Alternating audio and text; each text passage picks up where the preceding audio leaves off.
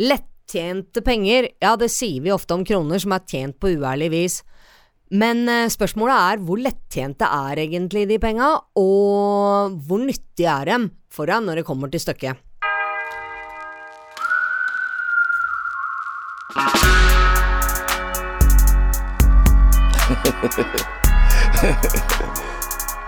Ok.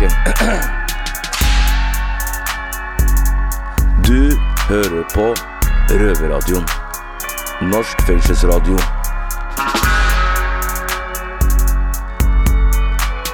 Bli med inn.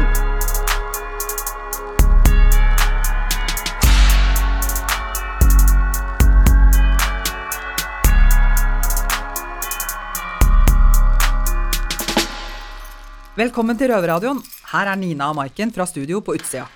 I denne sendinga skal vi prate om forskjellen på svarte og hvite penger, om det å forholde seg til en helt ny økonomisk virkelighet når man havner innafor murene. Dessuten skal vi snakke om at både regninger og gjeld er en kjempeutfordring for mange innsatte, og åssen man skal ta tak i en skakkjørt økonomi. Så først skal vi til Agder fengsel avdeling Froland, der Fredrik og Marius prater om snabba cash. Ok, ok, du veit da. Rett fra Froland fengsel, er Marius. I dag har jeg med meg Fredrik. Hva skjer, da? Ikke mye, ass, brorsan. Ha det bra? Ja, chiller'n, ass. Chiller'n, chiller'n. Hva med deg? Ikke mye, ass. Det er eh, soner og ja, ta livet med ro. Hva er det vi skulle snakke om i dag, da? Vi kan jo snakke litt grann om vårt forhold til kroner ute, da. Du blei jo fengsla når du var 18, Ja.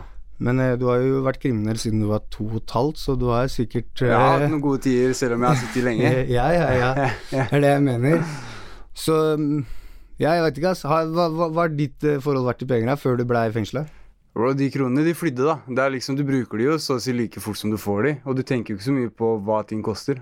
No, ja, noen ganger litt, du kanskje bruker det før du får de. Det også. Så, eh, men det er jo sånn, ikke sant. Her, vi veit jo det, vi som på en måte har holdt på. Jeg har jo holdt på i 100 år.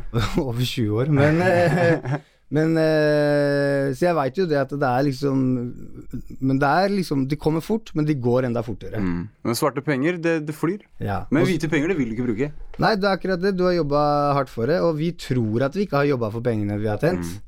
Men vi jobber, har jo jobba 24 timer i døgnet i perioder. Ja, men Hvis vi hadde jobba like hardt på lovlig eh, måte, da? Da hadde vi vært billionærer, bro. Fuck Bill Gates, da. Eh, Ja, ja, ja. He ain't got shit on us. Men jeg, jeg tenker jo fordi Ikke sant, det har vært opp og ned med meg, men jeg har på en måte alltid klart meg. Jeg har hatt gode tider, jeg har hatt uh, dårligere tider. Mm. Uh, og så liksom har det på en måte vært uh, dager plutselig, ikke sant, hvor eh, man har holdt på med ting. Og til politiet som hører på, disse sakene er foreldre av det jeg snakker om nå, så det er ikke lyst til å prøve å dra, dra det opp engang. Men eh, så har det vært liksom Så har det vært snakk om Ok, på én dag så plutselig så satt jeg liksom med halv million i overskudd. eh, liksom livet var herlig. Mm. Men da var det allikevel liksom eh, helga etter, da, så dro jeg ut og eh, bodde på Grims Grenka og liksom luksushotell i en uke, og så før jeg veit ordet av det, så har jeg brukt liksom 300 lapper, liksom. Ja, ja. Det snur fort. Det, det snur fort. Eh, så selv om man på en måte tenker ok, greit, det er mye kroner i det, ja, det er det. Men det er ikke tider, det er ikke hver dag. Jo, ikke bare det, men hva kan du bruke penger på? Jeg kan ikke gå i banken med en pose med fem millioner og si hei, jeg skal kjøpe et hus, liksom. Mm. Det, det funker sikkert eh, i, i noen land, men i Norge så blir Da ber de meg ryke og reise. Mm. Så, så du får ikke gjort så jævla mye med de kronene, da. Er- Du kan kjøpe klær og mat og hotell, liksom. Og Ja, ja, da. Det er jo det det som regel går på. Ja, og så, ikke sant, og så hvis du skal ha hvitvaskere med da, så er det en nytt hassle for det igjen. Så da plutselig så jobber du eh, 30 timer i døgnet. Og det funker, funker jo ikke, ikke sant, skjønner du?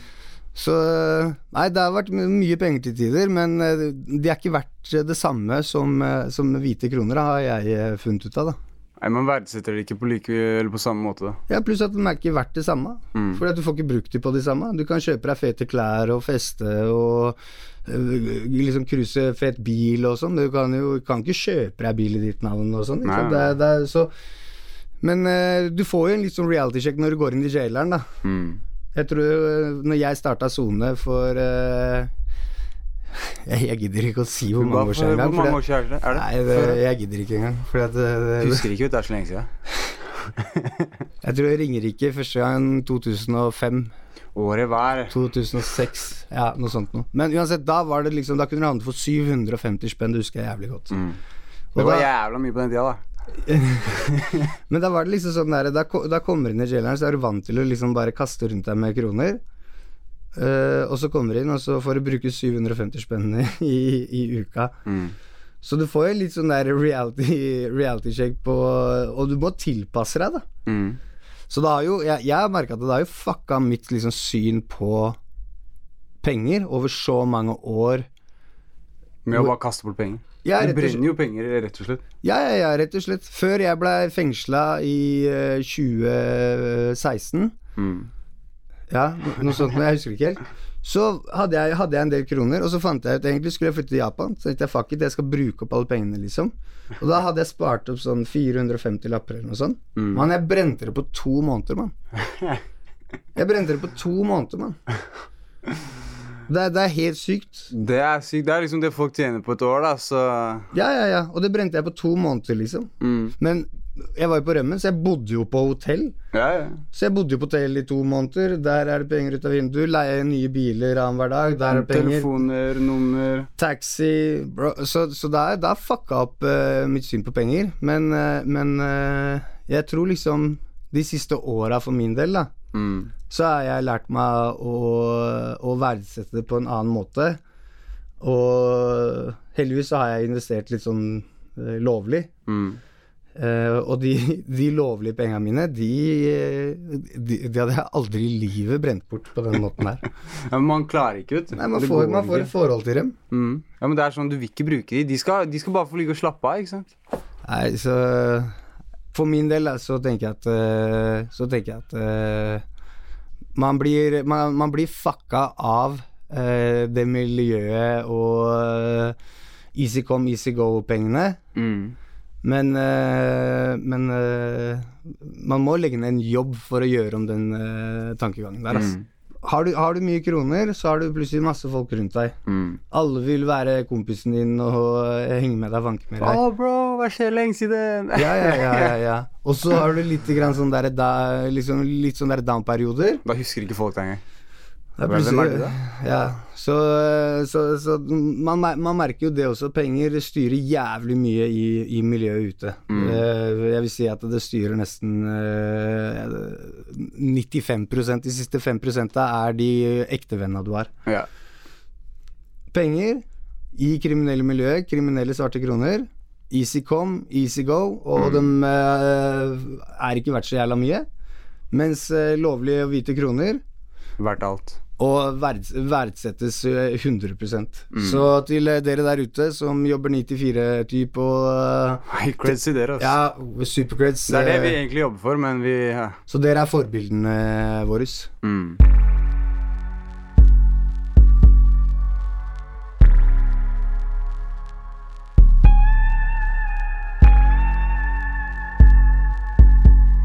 Det var eh, reine ord for penga, det, for å si det sånn. Jeg kjenner meg jo litt igjen, da. Eh, Da jeg var aktiv som kriminell, så hendte det jo at jeg hadde lovlige jobber også, faktisk. som en big geskjeft. Og, og det jeg husker, da, er at de penga jeg tjente mm, på lovlig vis, de brant jo ikke i lomma på samme måten som de andre, da. Og jeg ville jo egentlig ikke bruke dem. De føltes gullkanta, på en måte. Ok, Ja. det var annerledes. Veldig.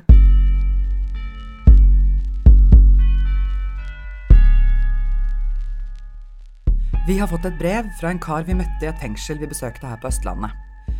Han har skrevet det til en yngre versjon av seg selv. Han ville titte tilbake på overmotet, overforbruk og jaget etter penger som gjorde at han endte opp i fengsel. Det er et liv han ønsker å legge bak seg. Så istedenfor å bruke sitt ekte navn, har vi valgt å kalle ham Adam. Og vi har fått produsent i Røverradioen, Amund, til å lese det opp for oss. Halla, Adam. Du er født og oppvokst i verdens beste land, Norge. De sier i hvert fall så. Da du var liten reiste du ofte bort to måneder i året, og da du kom hjem, så du på livet her med et litt annet blikk. Du lærte å sette pris på mulighetene du hadde til å gå på skolen, maten du hadde på bordet hver eneste dag, de rene klærne du fikk til å ha på deg, Mens foreldrene dine vokste opp blant syv søsken, var du enebarn og fikk det stort sett som du ville. Stakkars snille mor som gjorde alt for at sønnen skulle få det han ønsker, men mye ville ha mer. Det er flere grunner til at jeg skriver til deg fra her jeg er nå. Men ett sted starta det.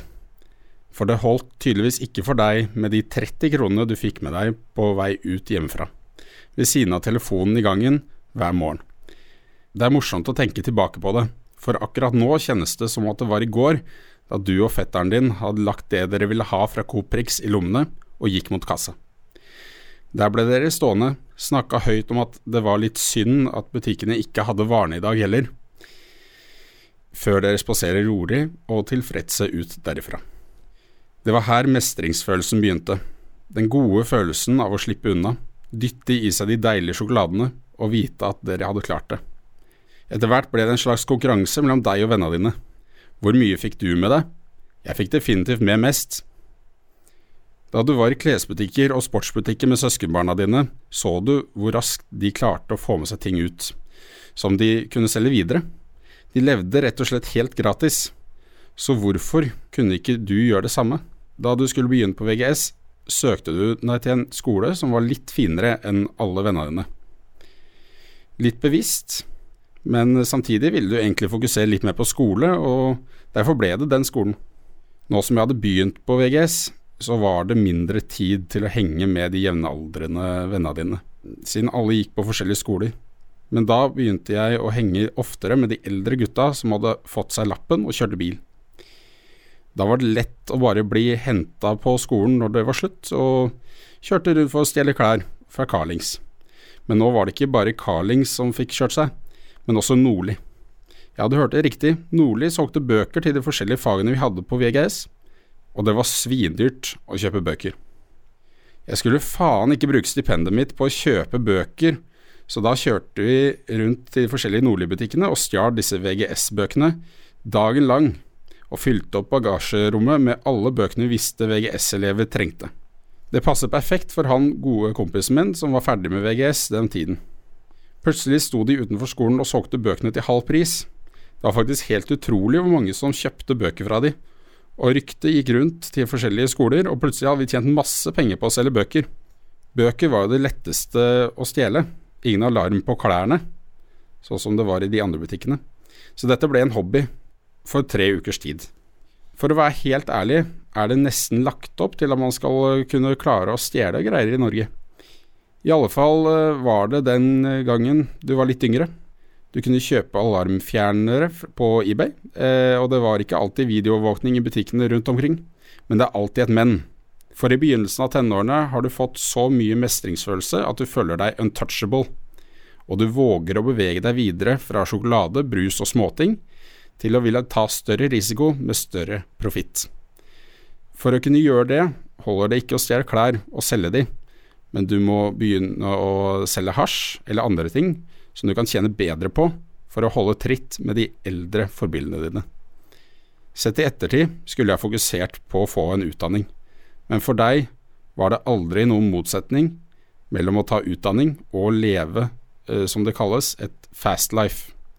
Altså ikke et A4-liv, ikke 8 til 4, men gjerne 24-7. Et liv der man har råd til å bruke flust av penger hver dag, reise ofte, feste mye og rett og slett miste respekten for penger.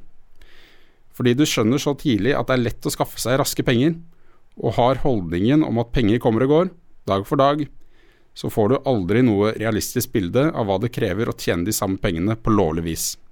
Du har ikke akkurat noen bufferkonto, og helt ærlig skjønner du ikke hvordan folk klarer å leve på en norsk gjennomsnittslønn. Mens folk flest lever på norsk gjennomsnittslønn, så var det perioder på tre-fire måneder med konstant festing, og da mener jeg mandag til søndag.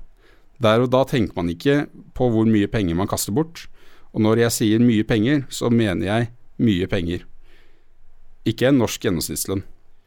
Slik holdt man på over store deler av året, reising og festing, og ikke minst den dumme konkurransen på utestedene hvor det handlet om å legge flest flasker på bordet.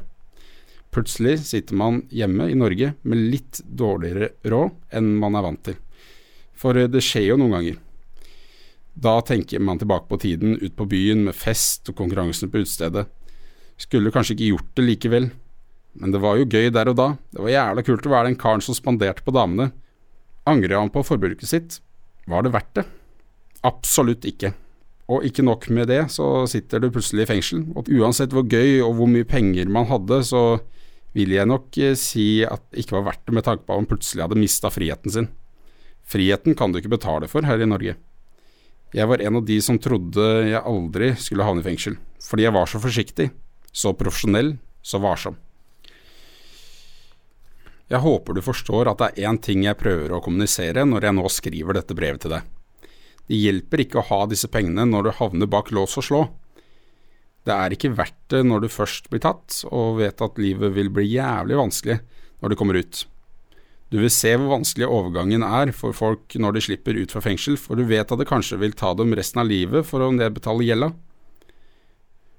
Det hjelper ikke å ha disse pengene når moren din sitter på utsida og har søvnløse netter. For å si det sånn, slik jeg ser det, er det ikke jeg som soner når jeg er her inne, det er familien, kone og venner på utsida.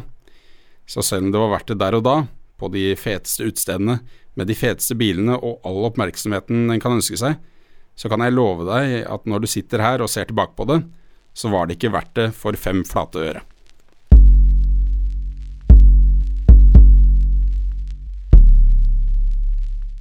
Ja, nå er det jo ingen av oss to, Maiken, som sitter for eh, noen økonomiske greier, men akkurat eh, det at ingen penger i verden kan veie opp for det å miste friheten, det kan vi jo skrive under på, eller hva?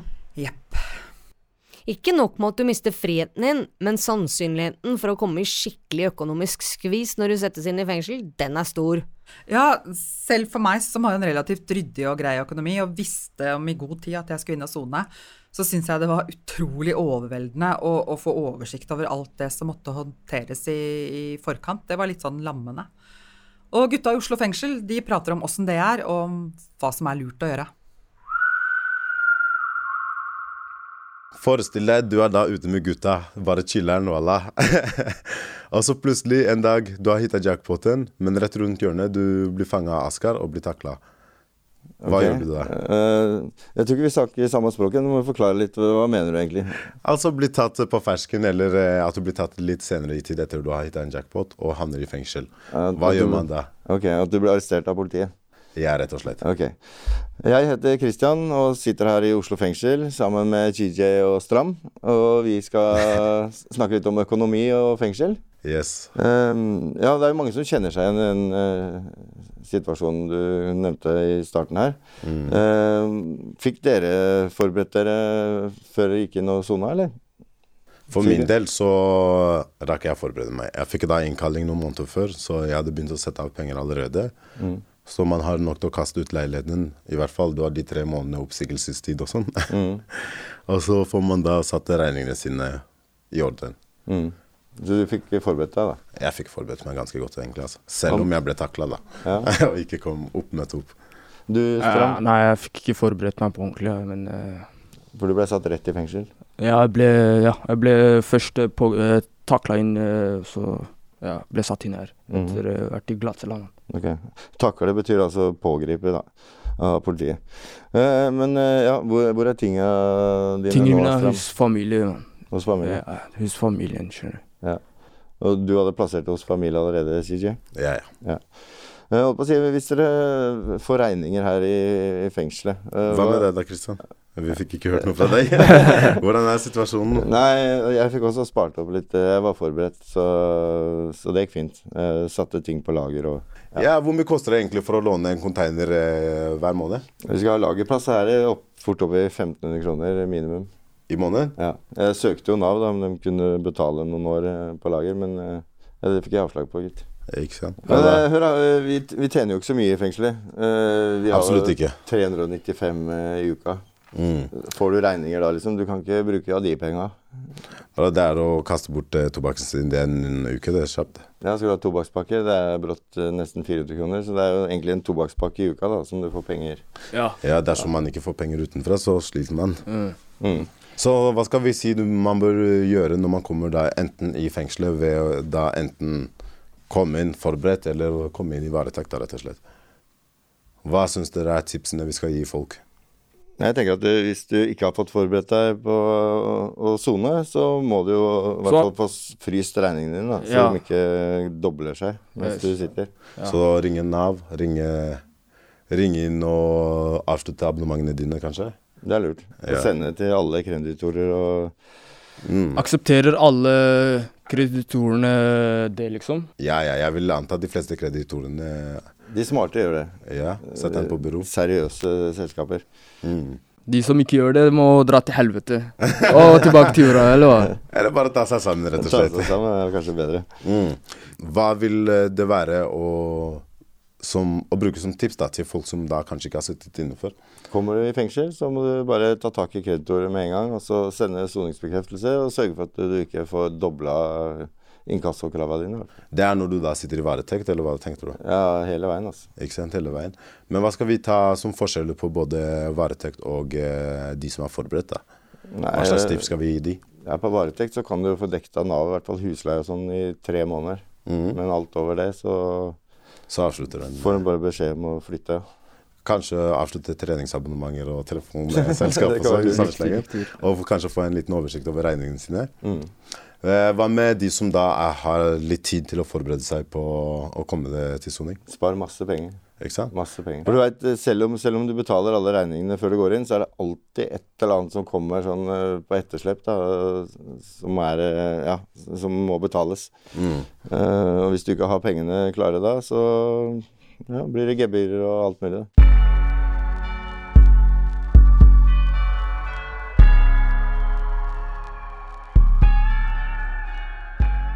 Ja, som du hørte fra gutta i Oslo fengsel her, så er det jo en del økonomiske utfordringer forbundet med det å um, havne innafor murene, og det er derfor vi tenkte at eh, vi måtte plukke hjernen din litt. Velkommen hit til oss i Røverradioen, Lulli Heie, gjeldsrådgiver i Røde Kors nettverk etter soning. Tusen takk skal du ha. Dette er vi veldig opptatt av. Det å ha gjeld er en stor utfordring for alle, men når man i tillegg soner i fengsel, så blir utfordringen ekstra stor. Både fordi at man eh, soner, så man trenger hjelp til å ta tak i gjelden, man vet at den vokser mens man sitter der uten at man får gjort noe, og så er det også den utfordringen at gjelden ofte representerer det livet du nå gjør, putter all din energi i å komme vekk fra. Sånn at når man, det er krevende å ta tak i den, og mer krevende enn det er for vanlige, vanlige folk, rett og slett. Ja, jeg ser den, men mange vil nok tenke det at eh, hvis du har begått en eller annen forferdelig forbrytelse, og noen har blitt veldig skadelidende, så er det jo bare rett og rimelig at du skal betale for eh, den skaden du har forårsaka. Ja, og det er jo ikke vanskelig å være enig i det utgangspunktet, men når saken er slik at det er helt åpenbart at man aldri kan betale den gjelden, så er det jo ikke i samfunnets interesse, så vidt jeg kan se, at man skal bære med den gjelden resten av livet. Da, det er jo ikke noe incitament til å endre livet sitt til noe annet og til noe nytt. Vi trenger, vi trenger alle håp for å komme videre, og vi trenger å se løsninger, og det trenger vi også når det gjelder gjeld, og det trenger man uansett hvor gjelden kommer fra. Helt enig med deg, jeg. Ingen motsetning der. Nei, for det blir jo, som du påpekte der, sannsynligvis kontraproduktivt, da. Hvis vi ilegger folk så høye gebyrer, holdt jeg på å si, at uh, de ikke ser noen annen mulighet enn å gå tilbake til den kriminelle banen de kom fra. Ja, altså En ting er at erstatningskravene er der, og så er det spørsmål om hva man kan gjøre med dem i ettertid. Og det finnes jo løsninger, sånn som f.eks. en gjeldsordning, som er et system hvor man betaler så mye man kan over en viss periode, f.eks. ofte fem år, eller helt opp til ti år faktisk, og så får man ettergitt resten av gjelden på slutten. Det er jo et, et godt system. Det er stentøft å gjennomføre og leve på et minimum i alle disse årene, men etterpå, hvis man vet at man får slettet resten av gjelden, så er det mulig å gjennomføre det. Og, og det, det, er en løsning. Men dessverre så er det vanskeligere for de med slike erstatningskrav som er knyttet til straffbar handling, å få en slik gjeldsordning enn det er for andre. Så det, det er mulig, men, men, det er vanskeligere, og for enkelte så er det svært vanskelig. Er det, sånn at du, er det noe sånn tak på hvor mye du må ha i gjeld for å kunne inngå en sånn ordning? Nei, det er ikke noe tak om hvor mye du må ha i gjeld, men det er et absolutt vilkår at du ikke selv skal kunne greie å betjene gjelden over en, over en ganske lang periode. Sånn at det, de som skal få gjeldsordning, de kan jo ikke betale gjelden sin. Og hvis du ikke kan betale gjelden din, hva er vitsen med at samfunnet skal legge det trykket på deg da i all tid fremover? Det, det er jo ikke til fordel for noen. Så, øh, så, så her jobber jo vi for å få, få myket opp disse reglene. Ja, nei, for det er jo nok til å miste nattesøvnen over det å vite at det henger noe over deg som du ikke har mulighet til å klare. Det er Ja. jo det. det er, Ja. Det er det absolutt, og derfor er det så viktig å begynne å starte og, og, og få en oversikt over gjelden, og som man kan begynne med mens man soner. Eh, Fordi at eh, faktisk så er det sånn at eh, det er bedre å vite hva den er. Jeg har sett folk som får bare det å få en oversikt over gjelden, gjør at man får en lettelse. Fordi at én ting er den store, sorte skyen som henger over hodet på deg, hvor du ikke vet hva gjelden er. Men når du får det ned på, på, på et stykke papir, og du kan begynne å jobbe med det, så det, blir det faktisk en, en, en lettelse. Så derfor så anbefaler vi alle å starte allerede mens man soner, med å få denne oversikten. Noen har det jo selvfølgelig, men man, veldig mange har det ikke. Man har kanskje hatt en vanskelig periode før man begynte å sone, hvor det har skjedd mange ting, og man har ikke helt oversikt. Så, så, så start så fort som mulig, og få prøv jobb med å få en oversikt over gjelda si. Og da kan man, vi har laget et verktøy som ligger på nettet, som ligger på en nettside som heter gjeldsarbeid.no. Gjeldsarbeid.no. Ja, gjeldsarbeid.no, og det var opprinnelig et materiale til bruk inne mens man soner, i papir, men nå er det også på nett, så det er lett tilgjengelig. Da kan man få hjelp til å laste ned, laste ned det, og bruke det og den teknikken som ligger der, i å starte med denne jobben mens man soner. Det, det høres kjempefint ut, men det er litt vanskelig for dem som sitter Vi har jo ikke så mye nettilgang, da. Eh, Men, eh, men eh, nå prater jo vi ut ifra Oslo her, men, men gjeldsrådgivere fins rundt omkring i hele landet, eller? Som kan hjelpe innsatte med disse problemene? Det finnes jo gjeldsrådgivere i Nav, men de er ikke tilgjengelige for innsatte. Men det er Nettverk etter soning har gjeldsprosjekt eh, i tillegg til i Oslo, så har vi gjeldsprosjekt både i Bergen og Trondheim og Stavanger, som også kan eh, bidra mens man soner. Og så er jo også fengselsbetjentene, noe de yngste har eh, jeg selv forelest for, før de fikk, mens de var på slutten av utdannelsen sin, sånn at de skal også kunne hjelpe. Så snakk med noen og kom i gang. 81% av de som soner har, har gjeld. Det var en undersøkelse i 2014, og dette er noe som, som gjelder de aller, aller fleste. Så det, det er greit å snakke om.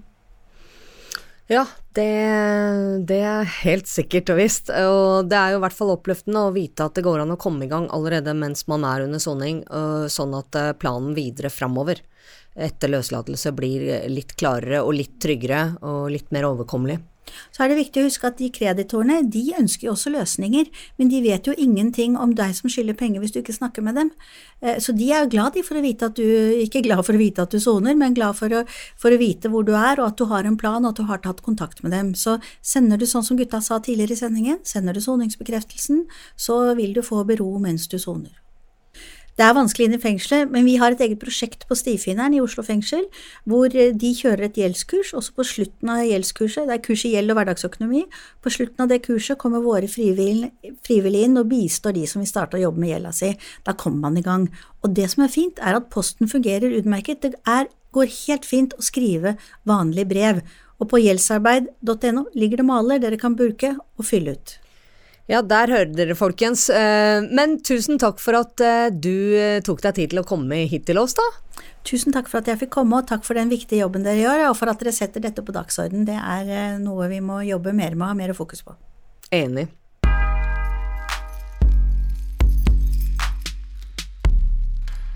Det hørtes ut som veldig gode og konkrete råd. Ja, det var det, men nå var det jo én type gjeld vi ikke prata om, da, nemlig ja. den svarte gjelda. Ah, og det tror jeg nesten må bli et helt eget program. Eh, det tror jeg òg. Sendinga er over for i dag, men vi er tilbake allerede fredag på nytt tidspunkt, nemlig 14.00 på NRK P2. Eller du kan selvfølgelig høre oss på podkast når eller hvor det passer best for deg. Ja, ikke hvis du sitter i fengsel, gitt. Nei, det er det, da. Ja. Ha det, folkens! Ha det! Denne sendingen av Røverradioen er sikkerhetsgodkjent av Oslo fengsel og Agder fengsel. Musikken er laget av Trond Kallevåg. Røverradioen er en veldedig organisasjon som er avhengig av din støtte. Følg oss på Instagram, Facebook, Twitter, eller gå til røverhuset.no og finn ut hvordan du kan støtte Røverradioen.